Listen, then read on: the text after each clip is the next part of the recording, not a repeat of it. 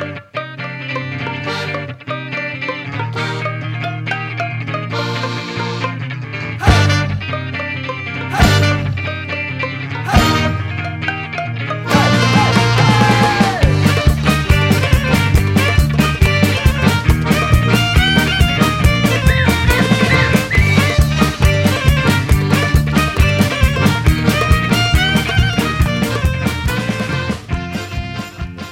Whiskypodden håller på att avsluta ytterligare ett år. Tiden går väldigt, väldigt fort när man har roligt. Och idag för första gången är vi ju faktiskt hemma hos mig, hemma hos doktorn. Framför den öppna spisen som ni, eh, som ni ser.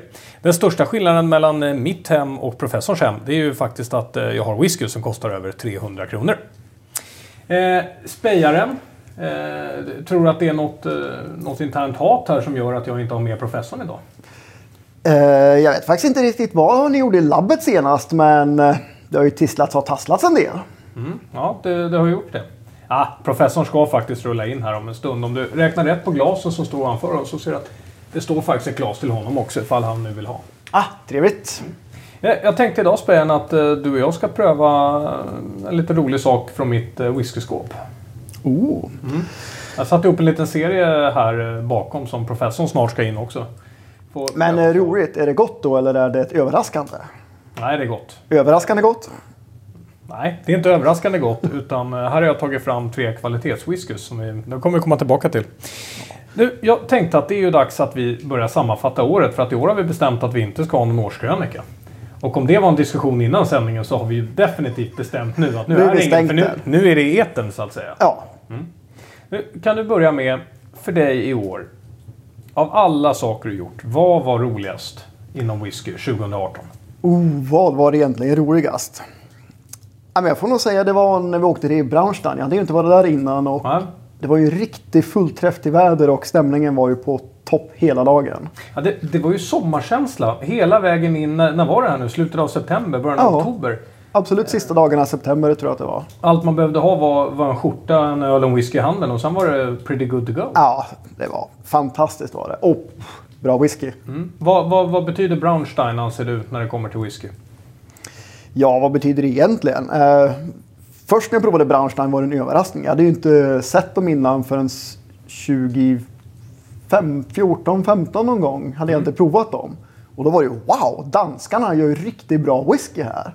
Så för mig var det bara ytterligare bevis på att vi här i Norden kan, ja, vi kan whisky.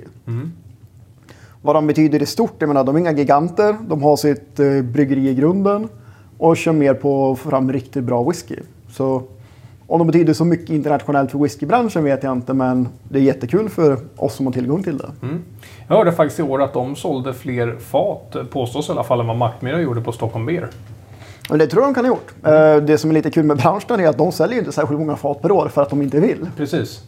Så det Oroväckande att- kanske för Mackmyra, men Men det verkar som att de portionerar ut dem eh, på de olika mässorna för att alla ska få möjligheten att, eh, att köpa. Så var det väl så att de hade fått, fått någon extra tilldelning va, till hösten om jag inte minns fel här nu. eh, ja, de hade väl ut- utökat lite grann nu så Mm. att eh, jag kommer inte ihåg antalet. Det är inga enorma mängder fortfarande, men det var Men väl du- så de sa. Nu när vi talar mässor. Året är ju fullkomligt fyllt utav mässor. Det är fler mässor än dagar nu. ja. Ja, näst, nästan till i alla fall. Eh, vilken var bästa mässan då? Oj, bästa mässan. Eh, ja, eh, det är många som jag inte var på i år. Så att eh, Göteborg var jag inte på, Nej. vilket jag har alltid väldigt gott om. Inte Malmö heller. Men Jag kanske ska återupprepa frågan. Det var alltså vilken bästa mässan var. Det måste ju betyda att du har varit på mässan också. ja, jo, jo, absolut. Jag, jag, jag är med på det. Jag Ja, försöker ja, bara säga, ja. liksom, jag räknar inte bort de här mässorna. Jag vill bara säga, jag var inte på dem. Nej. Men eh, ja, alltså Viking Line utbudsmässigt är ju svårt att överträffa för att de har ett helt annat utbud än vad finns på alla andra mässor. Så så sätt så rankar ju den alltid topp två i princip av mässorna. Men den var nog kanske bäst i år. Inte för att den är bäst arrangerad, för den är ganska stökig nu för tiden. Men utbudsmässigt och eh, ja, hur kul jag personligen hade. Det låter här som en, eh, som en djupintervju, men jag bara fortsätter här. Du säger att utbudet har för, förbättrats så mycket på, eh, på Cinderella. Ja, inte förbättrats, men det är helt statement annat. är tillbaka i taxfree. Hur kommer det sig? Ja, hur kommer det sig? Man har ju varit utan det så pass länge för att förbereda för återkomsten såklart. Eh, till ett bättre premiumpris vill man ju ha. Men det är ju det som är förklaringen. Man har inte haft vätska i lagerhusen. Men nu finns det uppenbarligen. Så då kommer det tillbaka. Men onekligen vänder trenden. Nu ser vi att vi, vi kommer till age statement igen. Betyder det här att taxfree är på väg ikapp, till och med kanske på väg om det utbudet vi har i, eh, i vanliga butiker i Norden? Nej, det tror jag faktiskt inte. För att eh, taxfree är taxfree och där kan man ta ut svängarna mer. Det är där man kan komma ut med lite mer roliga nasar. Liksom folk är på flygplatsen och bara, ah, den här vill jag köpa. Så jag tror det är fortfarande marknaden där, där man kommer att experimentera mer än vad man gör på core range. Om vi talar om, eh, om whisky då, den faktiska vätskan. Bästa whiskyn du har druckit i år. Och man får inte välja whisky ABCs egna. Oh, ja, jag vet. Ja, det är tufft alltså. Aj, aj, aj. Ha. Oh, bästa jag har druckit i år. Det är faktiskt någon som jag har ganska färskt i minne. Ja. Det är Braunstein Friends mässa igen. Ja, vi, vi kommer tillbaka dit. Du Nej. kanske vill bli whiskyambassadör för dem. Det går säkert att ordna. Jag kan gärna bli botan... Eller vad heter det? Botaniker heter det ju inte, men botanisera bland deras whiskyutbud igen. Mm. Eh, nej, men det var ju inte deras egna då, även om de var helt suveräna deras årsreleaser. Men eh, det var nog den Ardbegen där. Som vi fick prova, för den Ja. var ju suverän. Ja, den var alltså. superb. Riktigt fin gammal Ardbeg som man inte smakat Ja, det är länge sedan alltså. Jag vet inte, för ingen av de här 20 something har ju varit en riktig sån tycker jag. Men den här var ju makalös. Ja, den var makalös. Men, men den kommer ju också från, eh, från den gamla skolan. Likadant en sån som jag har här. Den var ju en tidig 90-talare. De har en annorlunda smak då jämfört med när om man säger det nya som när man kokar i slutet på 90-talet. Vad den betyder Ja. idag. Det är två helt olika whiskys. Det är det absolut. Men vem vet, de kanske har den gamla skolan kvar även då. Fast de inte har släppt den på marknaden. Om jag ställer frågan åt andra hållet då. Eh, Den bästa whiskyn du inte minns? Vill, vill du berätta för, för tittarna om... eh, Det var en viss händelse i Köpenhamn. Där jag gärna skulle vilja spika upp en annons och fråga vilken whisky var det Spejan drack? Vill du berätta den eh, berättelsen? Ja, det här är lite kul. Nej, men jag och Carl var där och spelade in ett avsnitt faktiskt för Whiskypodden. Jaha, var det, var det det? Bra, då minns vi det i alla fall. på inbjudan av Klaus och Mikael Braunstein, eller på Braunstein då. Eh, och eh, det gick ju jättebra. Men vi var ju klara klockan tre på eftermiddagen ungefär och det är fyra timmar festival kvar. Vi kopplar av med ett par kalla då efteråt för vi har ju varit ganska igång och snackat så vi behöver släcka törsten. Och det satte sina spår och efter det så körde vi igång och provade ett ganska stort antal whiskys. Ja. Och så någon gång där, inte så sent ens på kvällen, men eh, så kom vi fram till att vi har nog gjort mässan nu. Dock så kommer jag ihåg på vägen ut att jädrar, det var, jag måste ju prova den här whiskyn. Jag ringade in den tidigt på morgonen. Det är den här vi numera benämner som Whisky X. Ja, så att vi var ju på väg, vi hade ju hunnit halvvägs ut ur området, alltså ut från destilleriområdet. Så jag slår ju halt på mig och Karl, så vi måste gå tillbaka. Jag måste prova den här whiskyn. Och sen är det en liten lucka tills vi har kommit ut från området igen. Ja, det, det, det är det inte. Utan jag står ju och hänger vid, vid Braunstein-båset och väntar på dig. Och du kommer tillbaka med den här whiskyn. Du ger alla smaknoterna. Smaken är suverän. Och det första du säger dagen efter var Vilken var den här sista whiskyn jag prövade egentligen? Och jag säger Jag har ingen aning. Det var ju du som har hämtat den. Och du vet fortfarande inte? Nej, för vi lämnade kvar katalogerna som vi hade ringat in det vi ville prova i. Just det, det var det. Så ja. Men den var nog suverän. Ja, vad härligt. Ja. Så det är den bästa whiskyn du inte minns? Ja, härligt. helt klart. Du, jag tänkte du ska få eh, pröva det här nu. Eh, Den går i ordningen av att det ska fungera att eh, dricka de här tre stycken efter varandra här. Får vi se om du vet vad det här är. Det är lättsamt och fruktigt skulle jag säga. Och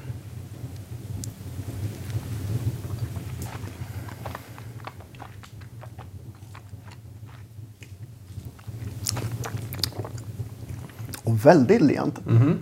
Nästan lite kryddigt i finishen också. Mm. Kryddigt. Vi, vi har ju ätit ost innan det här också. Kände du att chilin vaknade till Ja, lite det vaknade till lite nu. Det kanske inte är i whiskyn. eh. Eh, Men det var lite vingu vingummen i Ja, det finishen också som ligger nu och bara bubblar. Härliga vingum. Lite, lite julskum. Men det kan bero på att det, att det just är jul Ja, just lite julstämning nu. Ja, men härligt. Och så här, fräscha, härliga frukter. Tropiska frukter. Mm. Ja, den är, alltså den är väldigt, eh, väldigt öppen. Den är inte alls eh, stängd den här, men ingen riktig tyngd i den heller. Nej, och det, det är inte tanken tror jag. Nej, Mer än. nej.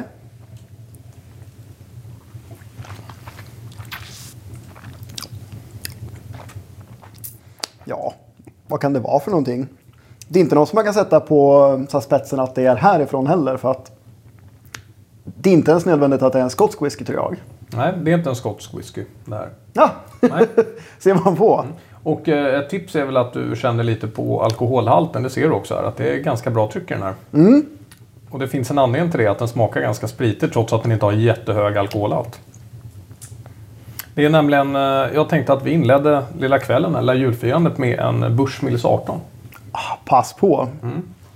Jag tror att det är väldigt, väldigt många som skulle ha svårt att sätta det här som en, eh, som en Bushmill om man inte är insatt. Av anledning att det inte är så här du tänker en irländare.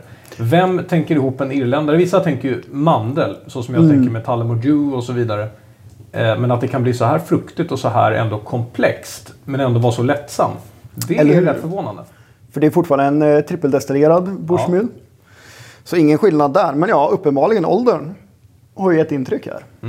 Ja, vi vet ju också, var väl i Göteborg så vann man ju stort pris för, eh, för Bushmills. Eh, Det är Berntson som har dem här i Sverige. Eh, Måste säga, jag tycker de är duktiga. Riktigt duktiga. Det som kanske händer lite för ofta med, med irländarna är att vi tänker på dem som är gärna non-age statement. Som man helst ska ha i en Irish coffee. Ja, och det är kanske där de flesta träffar på en irländare också. I sin Irish Coffee just. Vad ser du mest fram emot 2019 då? Oj, höjdpunkt 2019. Ja, Eh, ja, utan att säga för mycket så kan ju det bli Malmö kanske. Malmö. Ja, Du har hört gott om Malmö? hört gott om Malmö. Ja. Kommer vi mest troligt ser det ut som det blir besök där så ja. Det ska bli väldigt kul att se hur det funkar. Visst är det alltid kul med nya mässor också? Ja men det är ju det. Eh, se människorna bakom också och snacka lite med dem och se hur de ser på mässan. Mm, härligt. Spejan, då kommer jag önska dig gott, god jul och gott nytt år. Vi ska ju fira nyår tillsammans så att, eh, Ja. det, det blir inte så svårt. Vi ses säkert den dagen också. Det tror jag nog att det gör. Så ska vi släppa in professorn. Ja, nej, men god jul då. Ja, god jul! Ja, välkommen säger vi då till professorn. Välkommen till eh, doktorns eh, lilla whiskyhörna. Tack, vad trevligt. Ja, Med brasa och allting. ja, det är väl inte fel. Nej, det är helt rätt skulle jag säga. Hör julen till också kanske? Ja, det känns väldigt juligt. Jag har ju eldningsförbud i, i min öppna spis, så jag får ju inte elda längre. Nej? Men jag kanske kan köra såna här vaxklossar som du kör ibland. Mm. Ja, det går väl alldeles utmärkt att göra, eller? Mm, ja, jag, jag vet inte. Vi, får- vi får se. Vi, vi när- får undersöka när frågan. kommer. Ja, Ja. ja, det låter som en bra idé. Du, professorn, ska vi börja med att du tar upp din första whisky? Eh, Ska du få pröva samma här som, eh, som Spejan hade, Bushmill 18. Vi vill höra ditt betyg. Ja, jag, jag måste säga, jag hörde ju när ni, när ni provade den här. I doften har ni lite grann den här lätt lösningsmedelaktiga trippeldestillattonen men den är ju väldigt dämpad. Mm.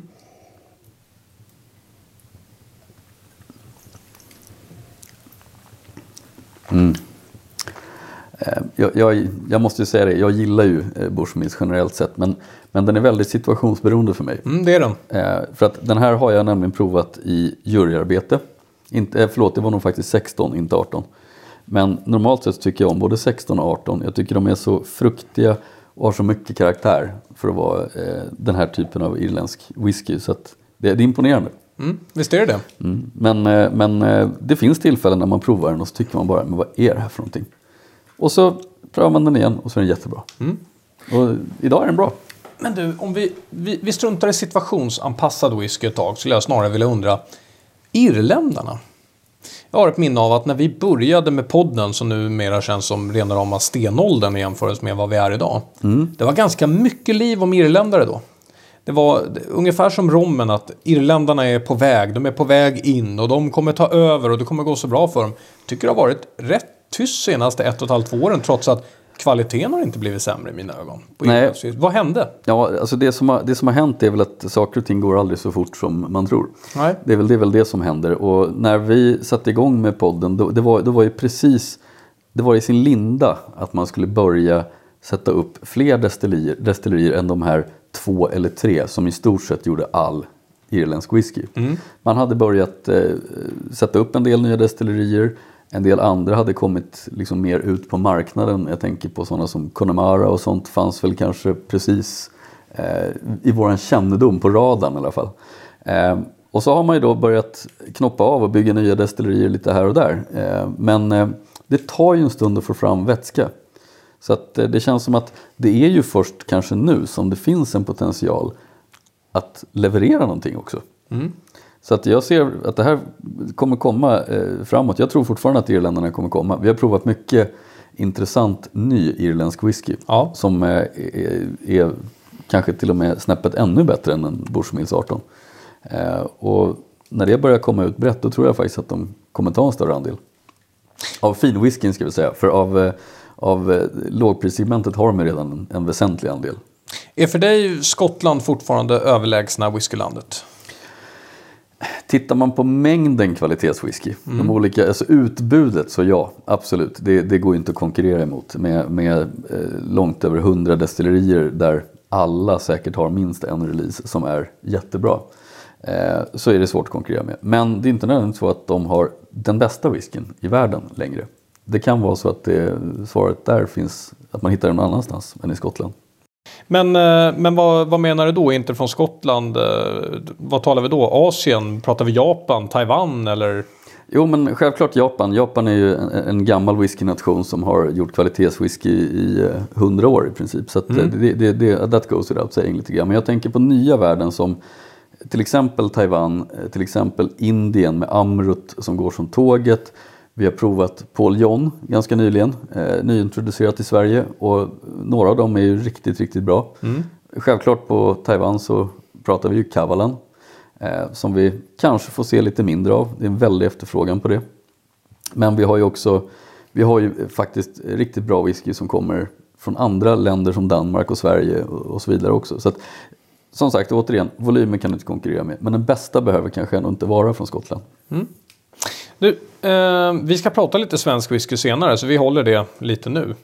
Eh, jag tänkte att vi ska börja med att du och jag var på en eh, alldeles utmärkt fantastisk lunch med Stanley Wong och eh, Tommy von Brömsen. De som har eh, Göteborgsmässan för ett tag Precis, sedan. det var jättetrevligt. Supertrevligt. Eh, och då talade vi bland annat om det här med att eh, precis som ekonomin, du och jag är intresserad av ekonomihistoria, i alla fall jag. och då har vi haft våra, våra ups and downs genom tiderna. Eh, ganska djupa dalar, väldigt, väldigt höga berg, när det så vill sig, höga toppar. Eh, och likadant har det ju varit inom whisky. Det vill säga att vi hade slutet av 1800-talet, början av 1900-talet eh, var rena rama whiskydöden från att man hade producerat whisky som aldrig förr. Och sen gjorde man, eh, man samma sak och så inträffade samma grej igen på 80-talet. Nu är nästan alla destillerierna som lades ner på 80-talet, de har startat upp igen i världens revival. De är tillbaka, de är uppköpta utav, utav andra, eller i någras fall då, så är det gamla eh, DLC, alltså Diageo, som bara har startat upp dem igen. Eh, vi producerar mer whisky per capita än någonsin. Eh, och det är lite intressant med tanke på att i Europa ökar ju inte whiskyförsäljningen, eller hur? Så, så var, var hamnar whiskyn? Nej, den gör ju inte det. I Europa så, så minskar faktiskt whiskyförsäljningen. Även om jag faktiskt ska säga att intäkterna för whiskyförsäljningen ökar. Eh, Mm, men det gör men, men det Men finns är ju andra förklaringar till det. Men, Ja. men det stämmer, försäljningen minskar men vi ser ju en jättestor ökning av efterfrågan från Asien. Eh, som ju, eh, där ekonomierna går starkt framåt, medelklassen börjar konsumera lyxvaror på ett helt annat sätt. Och eh, just whisky och skotsk whisky i synnerhet står ju väldigt högt i kurs. Så efterfrågan där ökar ju radikalt även om efterfrågan hos oss i vår del av världen inte gör det. Och jag hävdar nog att den kommer inte bara ersätta försäljningsbortfallet här utan den kommer nog överstiga leveransförmågan om jag ska spekulera lite grann. Så, så, så vä- vänta lite här nu. Du, du menar alltså att jag som har sagt att jag kommer aldrig sätta min fot i Asien eh, kommer behöva åka till Kina för att handla whisky, eller? Ja, men jag upplever att, det, att vi redan är där i viss mån därför att de, de absolut mest exklusiva releaserna och många av de bra releaserna de kommer bara till Asien nu eftersom de vet att där kan de få ännu högre marginaler, eh, snabb försäljning och ja, det, det är ett drömläge att sälja whisky i Asien. Men, men det är intressant där du säger nu därför att i, i Sverige så har man ju senaste åren det enda som man ser skriva är ju hur dyrt whiskyn har blivit. Ja, det har blivit så dyrt, det har gått upp så mycket. Och det stämmer ju, procentuellt har det gått upp ganska mycket i Sverige. Ja. Men fortfarande är ju Sverige eh, på nivåer att man från skotska destillerier, det vet ju du och jag on hand, talar om att man kanske ska stryka Sverige som marknad eftersom marginalen är alldeles eh, för låg att sälja på. För att eh, Sverige är som en Black Friday varje dag. Ja, det, det kan man faktiskt säga. Eh, jo, men det är lite så därför att Systembolaget har ju alltid jobbat enligt principen köpa stora volymer eh, till rätt pris. Och det passar ganska dåligt med en whiskymarknad där man visserligen har en väldigt hög produktion just nu men det är ju inte det som säljs i butik. Det som säljs i butik det var det som tillverkades för kanske 12 till 20 år sedan. Mm. Eh, och, och, där är inte tillgångarna lika stora. Så det betyder att man vill sälja egentligen mindre volymer till högre marginal om man tittar på efterfrågan och det passar ju dåligt med Systembolagets modell. Så därför så kommer jag tror att vi kommer få drabbas av en, en nedgång i, i utbudet så småningom. Alternativt radikalt höjda priser här också. För idag så är det ju nästan löjligt vad billiga vissa saker är i Sverige jämfört med andra europeiska länder. Mm. Du brukar nämna Highland Park 18 som ett eh, exempel. Precis, som jag alltid tror kostar 1000 kronor på, på Systembolaget men i själva verket tror jag den kostar 799. Mm. Allt under 1000 är ganska bra för den får vi Det säga. får man nog säga faktiskt. Ja. Eh, Du, vi släpper det lite tag. Det är trots allt årskrönika och julfirande och allt sånt. Och innan vi går in på vad du ska göra på julen och innan vi prövar nästa whisky så tänker jag på vad kanske det bästa minnet du och jag hade nästa år, var, eller nästa år, föregående år. Ja, I nästa år, i år. Var det möjligtvis när vi var i London på Old Pulteney-premiären? Ja. Malcolm Waring, Det, ja. det var helt klart en av de absolut bästa händelserna eh, ur, ur personligt perspektiv under, under året som har gått. Att få vara på en eh, galapremiär för en, en, en relaunch, får man säga, eller re- relansering av ett, ett whiskydestilleri som Old Palteny. Det var enastående kul. Du vill inte lägga ut orden något mer? Ja, alltså det, det, var ju, det var ju just den här grejen att det var eh, som, en, som en galapremiär för en, en film snarare än för en whisky. Eh, med en riktig galamiddag med Malcolm Waring som eh, personligen, alltså deras masterdistiller som pratar om vätskan, presenterar de nya, den nya rangen, vi får prova dem. Eh, fine dining, eh, uppklätt och i en lokal som var helt spektakulär med utsikt över hela London. Alltså det var, man mådde ganska bra helt enkelt. Ah, härligt. Inte dumt när det är på det sättet. Nej, Jag tänkte att vi är ju i mitt hem så jag tänker att vi fortsätter med min stil av whisky. Så nu ska du få pröva whisky nummer två här. Och berätta för mig vad, vad det är. Den här har faktiskt en eh, London-koppling ska jag säga. En London-koppling? Ja, det har den. Ja. Jaha, ja, då tänker man ju genast på att, att det här är något eh, engelskt destilleri, men det kanske inte är.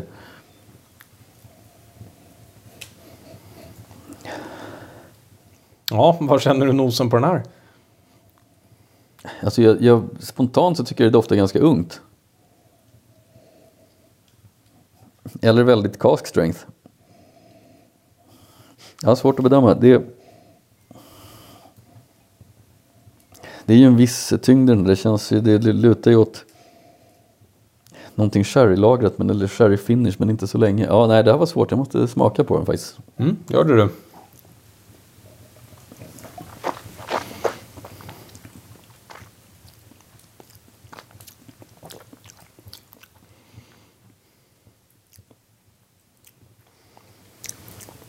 Nej, det är kanske jag som har en dålig dag, men den här säger mig, den, den ger mig inte en ledtråd alltså. Du har ju tydlig sherryton. Eh, känns inte fullt så ung i smaken. Jag vet inte om jag kommer våga avslöja vad det här är eh, med tanke på vad, vad professorn just nu sitter och säger. För folk kommer ta illa upp ute i stugorna alltså. Inte för att du inte vet vad det är, men för att du indirekt nästan sitter och sågar den. Nej, men Så det, det gör jag inte. Smaken var inte alls Eller? tokig på den här. Alltså, en, en bra sherrylagrad eh, whisky. Mm. Eh, som känns som det är rätt bra tryck i. Men, eh, Ja, det är det. Den är närmare 60 procent. ja, exakt. Eh, och du sa det, koppling till London. Ja. Eh, Den har en koppling till London därför att jag handlade den här på Whisky Exchange tillsammans med två andra. Det här är en, eh, det här är en Glendronach Single Cask från den här eh, Ja, som ja, jag ja. har 6-7 stycken av. Mm. Det förklarar en hel del därför att eh, jag ska vara ärlig och säga jag har i princip inte, eller jag har inte druckit någon av single cask Glendronach. Jo, det vet jag du, rakt du har fått av mig, men det... Ja, det kanske jag har vid något Ja. det, det, var, det, det motsvarar någon sån här eh, spejaren historia då, när Mhm. whisky jag inte minns. men, men annars har jag faktiskt druckit väldigt lite Glen- Glendronach och det har mest varit eh, specialutgåvor, inte single cask utan lite mer gimmickartade saker.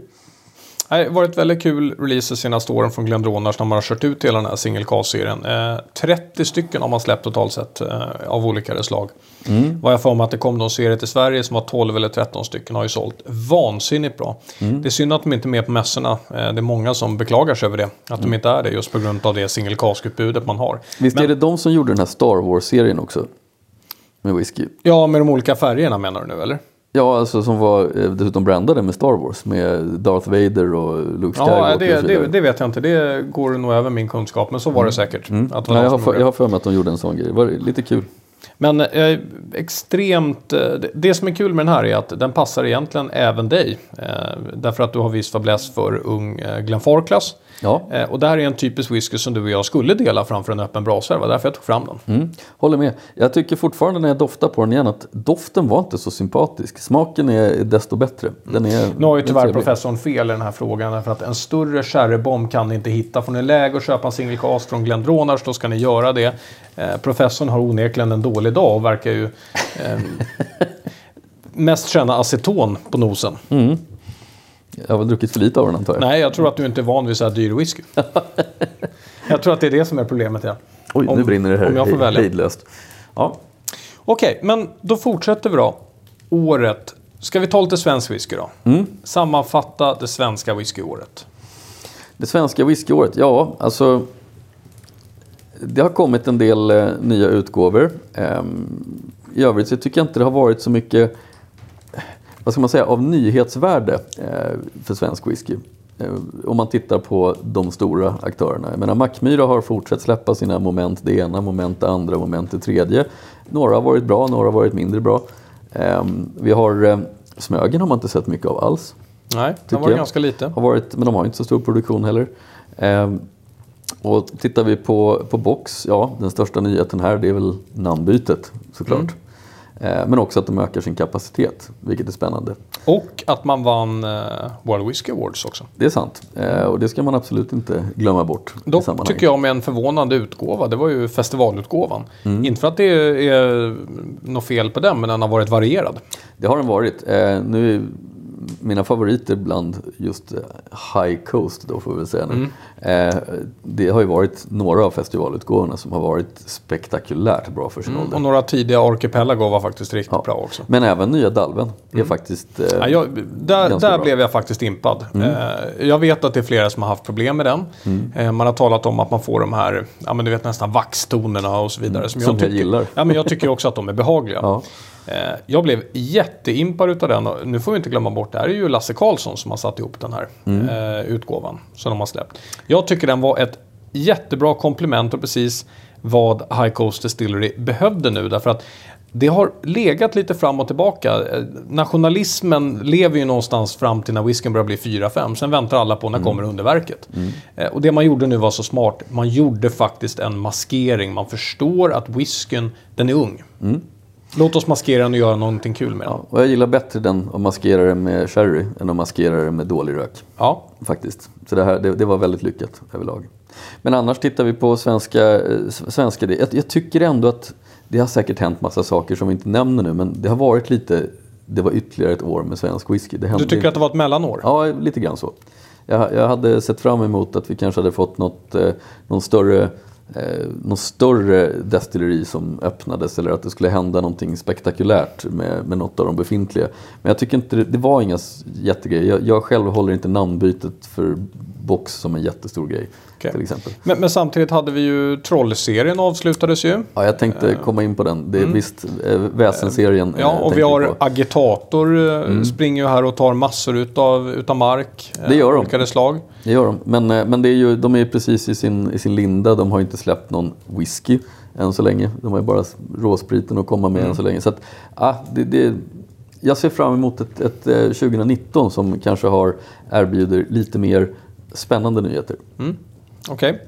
Dock vill jag höja en nyhet nu som vi inte hade och det var ju att eh, hotellet, restaurangen där på Visby eh, vann ju Guinness-rekordet för mest whisky på en ja, och samma bar. Var det var häftigt. Det var riktigt häftigt faktiskt. Mm. Och kul att ha Guinness World Record här på plats. Mm. Verkligen, det, det är roligt. Inte så, inte så oväntat kan jag tycka vad lång tid det tog innan vi fick hit det. Ja, ja. vi borde ha fått det tidigare men. Ja.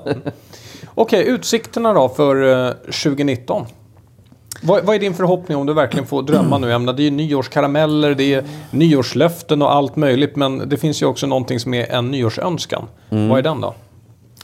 Ja, det är, det är ju svårt. Alltså, naturligtvis önskar man ju att eh, man någonstans eh, drog ur proppen ur något stort destilleri som ligger på ett jättelager med fantastisk gammal whisky. Är det Loch Lomond du tänker på nu? Ja, det vore ju ett jättetrevligt alternativ. Jag vet ju att de sitter på ett sånt lager nämligen.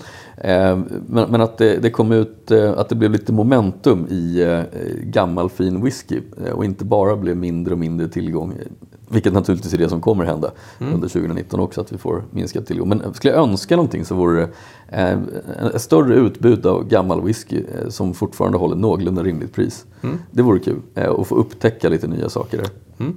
Nej, men nyårsönskningar är ju, är ju till för att vara tagna från fantasin och aldrig uppfyllas. Exakt. Så vad var det nu du sa här? Du vill ha gammal whisky till ett billigare pris än idag. Ja, eh, Med hög kvalitet. ja, någon får göra inbrott på Loch Lomond helt enkelt.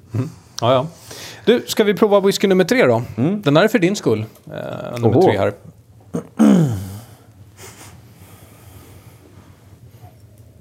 Delvis också för mig därför att det här var förmodligen en av de första whiskys jag drack faktiskt. Där ser man. Mm. Doftar ju väldigt sympatiskt. Men den har någon väldigt speciell ton. Någon liten eh, syrlig ton. Nästan lite citrusrökaktig. Jag tänkte nästan säga citrusgodis. Eh, Finns den här. Citronlakrits Citronlakrits. det tänker jag mycket på faktiskt. Vad spännande.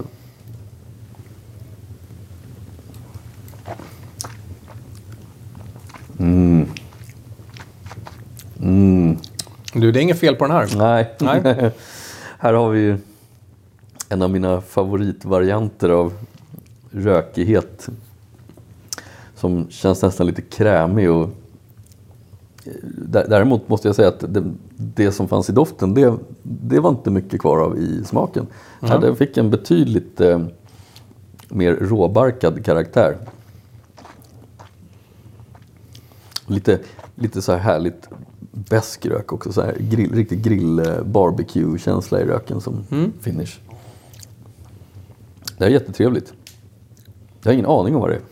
nej, okej. nej. Men det är väldigt trevligt. det, det verkar vara din trend för dagen. Du har ingen aning om vad någonting är. Och när man säger vad det är så säger du "Ah, ja, men det är inte så bra i alla fall. Nej, nej men alltså det här är ju, någon, är ju ändå förhållandevis säker på att jag har eh, druckit någonting i den här linjen tidigare. Så Ja. det, det här är ju inte från ett destilleri som jag känner till allt för dåligt, har en känsla av. Nej, du nog- känner till det här väldigt väl. Mm. Jag skulle vilja placera det på Ayla och göra det lätt för mig. Ja, det är korrekt. Ja. Eh, men du sa att det var en av de första whiskys du har druckit. Ja, men det var det. Och då, då måste man då komma ihåg här att eh, det börjar trots allt bli även 12 år sedan jag fick gå ut på krogen. Eh, och då fanns det inte så himla mycket i utbudet. Utan att det skulle ha funnits en Ardbeg eller Lafroig, det var ganska unikt fortfarande på barerna då. Det var inte den rökiga som fanns, det var en annan rökig som Ja, fanns. det är ju Lagavulin då. Ja, men det är Lagavulin. Det, det stämmer alldeles riktigt. Eh, Eh, och när det gäller Lagavulin så måste jag faktiskt säga att av de här Six Classic Mål så har vi har haft ett avsnitt om det. Eh, avsnitt 40 avsnitt sen, någonting sånt, så hade vi Six Classic Malts. Det hade vi. Eh, och vi vet ju bägge två att, eh, att Six Classic Malts är ju en, eh, en marknadsföringsgimmick på många sätt och vis. En briljant marknadsföring vill jag säga. För att det skulle vara de klassiska malterna. Men det där slog ju väldigt hårt eh, och slog ju hårt i, i Sverige och satte ju sådana spår hela vägen onekligen in då i min ungdom. Det var ju det, Ehm. det enda utbudet man hade på de flesta eh, whiskykrogar om man säger. Det, var ju Six det. Classic Malt. Det var ju det. Eh, Men jag måste ge Lagavulin varje gång att jag blir väldigt imponerad. För jag tycker alltid... Lagavulin för mig har aldrig varit 5 av 5. Men den är fasken alltid en 4 av 5. Ja, jag, jag håller, gör. jag håller med och, och jag tycker jag hittar nya saker varje gång. Men den här citronlakritsen som jag känner i den, den brukar inte jag känna i Lagavulin. Jag tycker medicinaltonerna är lite nertonade i den idag. Det doftar inte lika mycket sjögräs. Mm. Eh, men alltid bra. Eh, nu är det faktiskt, det var väldigt länge sedan jag drack just Lagavulin 16. Ja. Jag misstänker att det är ganska stora skillnader på den här och den du drack första gången. Ja men, ja, men det är det ju garanterat. Eh, och eh, nu ska vi börja med att säga om den här att den här är nog fyra år gammal. Något sånt. Eh, bara det idag börjar ju bli exklusivt. Mm. Eh, tänk dig då vad den kan ha haft för ålder, säg eh, 10-12 år sedan. Mm. Och hur batchen smakade då. Eh, Förmodligen om vi ställer dem bredvid varandra skulle det vara två helt olika whiskys. Ja, antagligen. Men du, Ja. visst har det blivit lite tystare även om eh, Ayla, vi talade om Irland innan, att det Mm. blivit lite tystare. Men även Ayla, röken, det känns som att den, den har ju inte tappat eh, jätte- jättemycket försäljningsmässigt. Den ligger ungefär där den ligger. Men den har ju den har ingen tillväxt längre. Man talar om annan whisky. Även du och jag har ju hoppat över på det som man skulle uttrycka som maltig whisky. Mm. Mer och mer. Jag dricker förhållandevis mycket, mycket mindre rökig whisky. Varje gång däremot när jag tar en dram blir jag väldigt impad av hur bra det är. Ja. Men jag har inte den geisten längre över att det måste vara rökigt. Nej, jag tror att vi kanske omedvetet har hamnat i samma eh, trendfåra som, eh, som allmänheten, nämligen att eh, eh, vi var väldigt inne på rökig whisky i vår personliga smak. Men det blir så, man blir till slut mätt på enkelspårigheten. Det är fortfarande jättegott att dricka en Lagavulin eller en Ardbeg eller en Lafroig. Men till slut blir man ju lite mätt på att det smakar likadant hela tiden. Eh, och jag tror att det är det som händer också. Den här röktrenden den börjar mattas av. Sherrytrenden eh, tar över delvis, men även annan, annan eh, speciallagring tar över och folk vill upptäcka nya smaker snarare än att fastna i sitt, eh, i sitt smakfack. Jag tycker det är ganska kul. Eh, särskilt när det gäller mig själv att jag faktiskt också breddar mina favoriter utifrån, eh, bort, bort från Ayla. Och när du menar dina favoriter, då menar du de eh, 32 moment som har släppts i år av Mackmyra då, eller? Nej, då menar jag mera just Ardbeg, Lagavulin och Lafroig. Okej. Men, men eh, man får väl också säga att Ardbeg och Lafroy har ju absolut ingen dålig försäljning. Men däremot så ser man ju att eh, Bonahaven till exempel, det, liksom, det börjar fejda ut någonstans i periferin känns det som. Och även Bruichladi som ju hade en, ett, ett ruskigt momentum eh, när de verkligen hade hur många utgåvor som helst. Eh, de var ett av de bästa destillerierna att besöka, vilket de säkert fortfarande är. Eh, Men de känns också som de börjar liksom försvinna lite i periferin. Eh, Och, och det är ett, en signal att det, fokus börjar lämna Ayla lite grann. Det, det kommer ju även eh, amerikansk, så som vi skulle uttrycka det. Eh, single malt och lite liknande sådana saker. Vad, vad händer där borta då? Jag menar, what's cooking? Det är ett stort land, det finns en stark ekonomi. Det är det och när vi, eh, när vi satt med Henrik Affledal så provade vi bland annat en, en amerikansk eh, whisky som var av kanske lite mer traditionellt skotskt snitt. Eh, och jag blev ju väldigt överraskad hur, hur pass stilren och bra den är. Och här handlar det nog mest om marknadsföring därför att jag tror inte att det här är någonting nytt i USA, att det finns whisky. Nej. Jag menar, det, har inte, det är inte bara Jack Daniels och Jim Beam som finns i USA. Ja, dessutom skulle det räcka med att säljer man i sitt eh, county ju det som att sälja i halva Sverige. Ja, jag menar, det, det är bara att inse att USA består av invandrare och ganska många av dem från Irland och Skottland. Jag tror inte de började göra uteslutande bourbon när de kom dit. Nej. Så att det här är ju ingen nyhet, det är bara en nyhet för oss att det når svenska marknaden.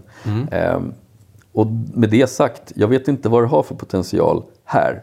Därför att det har ju, varför har det inte funnits tidigare i sådana fall? Är det en prisfråga?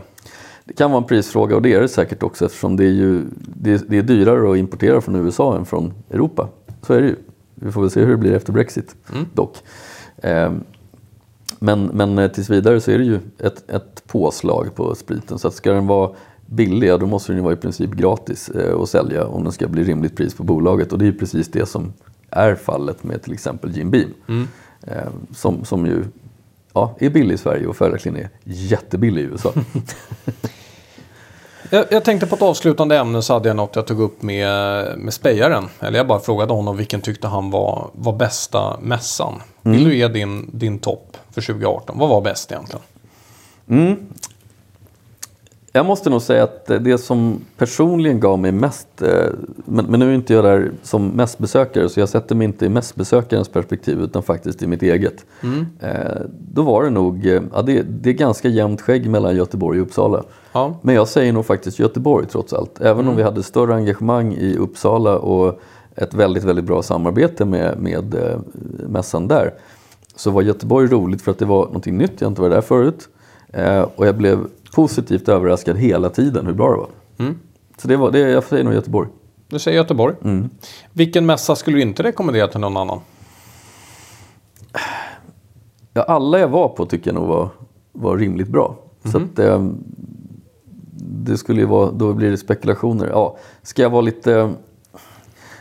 Det, det beror på hur, hur mycket man är whiskyintresserad kontra hur mycket man är intresserad av en bred, ett bredare utbud. För de riktigt whiskyintresserade så skulle jag till exempel inte rekommendera 2018 års upplaga av eh, Malt, mat och destillat. Det fanns väldigt lite whisky. Mm. Eh, men eh, desto mer andra saker. Eh, så det beror lite grann på intresse. Någon rent dålig mässa tycker jag inte jag varit på. Hur kommer trenden fortsätta då? Det, det är ju snart 300 mässor per år. ja, det, det börjar nästan bli löjligt och vi går på fler och fler av dem dessutom. Ja. Ehm, vi måste se en konsolidering snart. Jag tror inte på det här med att ha fullskaliga mässor eh, i varenda buske om jag ska vara ärlig. Jag tror inte det, det finns ingen marknad för det. Det bär sig inte. Folk reser en viss, en viss distans för att gå på mässa. Det hör till konceptet. Det blir en, en utflykt, ett äventyr, en kul grej man gör. Eh, om det då finns i varenda by, ort och, och stad i Sverige då, då, kommer vi inte ha ett utbud och en kvalitet på mässorna som håller i längden. Däremot ser jag gärna att det finns fler whisky-event, fler eh, roliga whiskytillställningar eh, på fler ställen i Sverige. Men Mm. kanske inte fullskaliga mässor. Nej. Men vi ska vänt menar du mer sådana här gala-grejer som Ja, du det talade vore om? roligt Det vore roligt. Ja, Det vore det kul. vore kul. Men också kanske minimässor. Eh, lite mer som Braunstein gör. Jag, jag, jag, har inte varit där själv men deras koncept tycker jag är lysande. Mm, tycker jag med. Man bara ställer upp bord och där får de stå. Ja. Ja, vad är ditt eh, nyårslöfte då, whiskymässigt inför nästa år? Ja, jag, jag brukar inte utfärda några whiskylöften. Eh, och ett jag borde utfärda det är då att dricka mer whisky. Men eh, det, det verkar dumt så, att, eh, så att det gör jag inte. Nej. men eh, det jag alltid lovar mig själv det är att jag ska prova mer whisky som jag verkligen inte tror att jag gillar. Mm. För att bli överraskad. Okej. Det låter väl som ett bra löfte. Ja. Tycker jag. Ska vi, jag tycker det löftet var så bra. Ska vi föra över det till lyssnarna och tittarna också? Mm. Det tycker jag verkligen. Det är ett, ett, ett starkt tips från oss att eh, prova det ni inte tror att ni gillar. Mm. Det kan ändras över tid. Och man kan dessutom hitta något som man faktiskt inte visste att man gillar. Härligt. Mm. Du, ska vi önska alla då god jul och gott nytt år kanske? Och en skål på det. Ja, skål! God jul och gott nytt år på er önskar Whiskypodden. Vi är tillbaka igen i januari.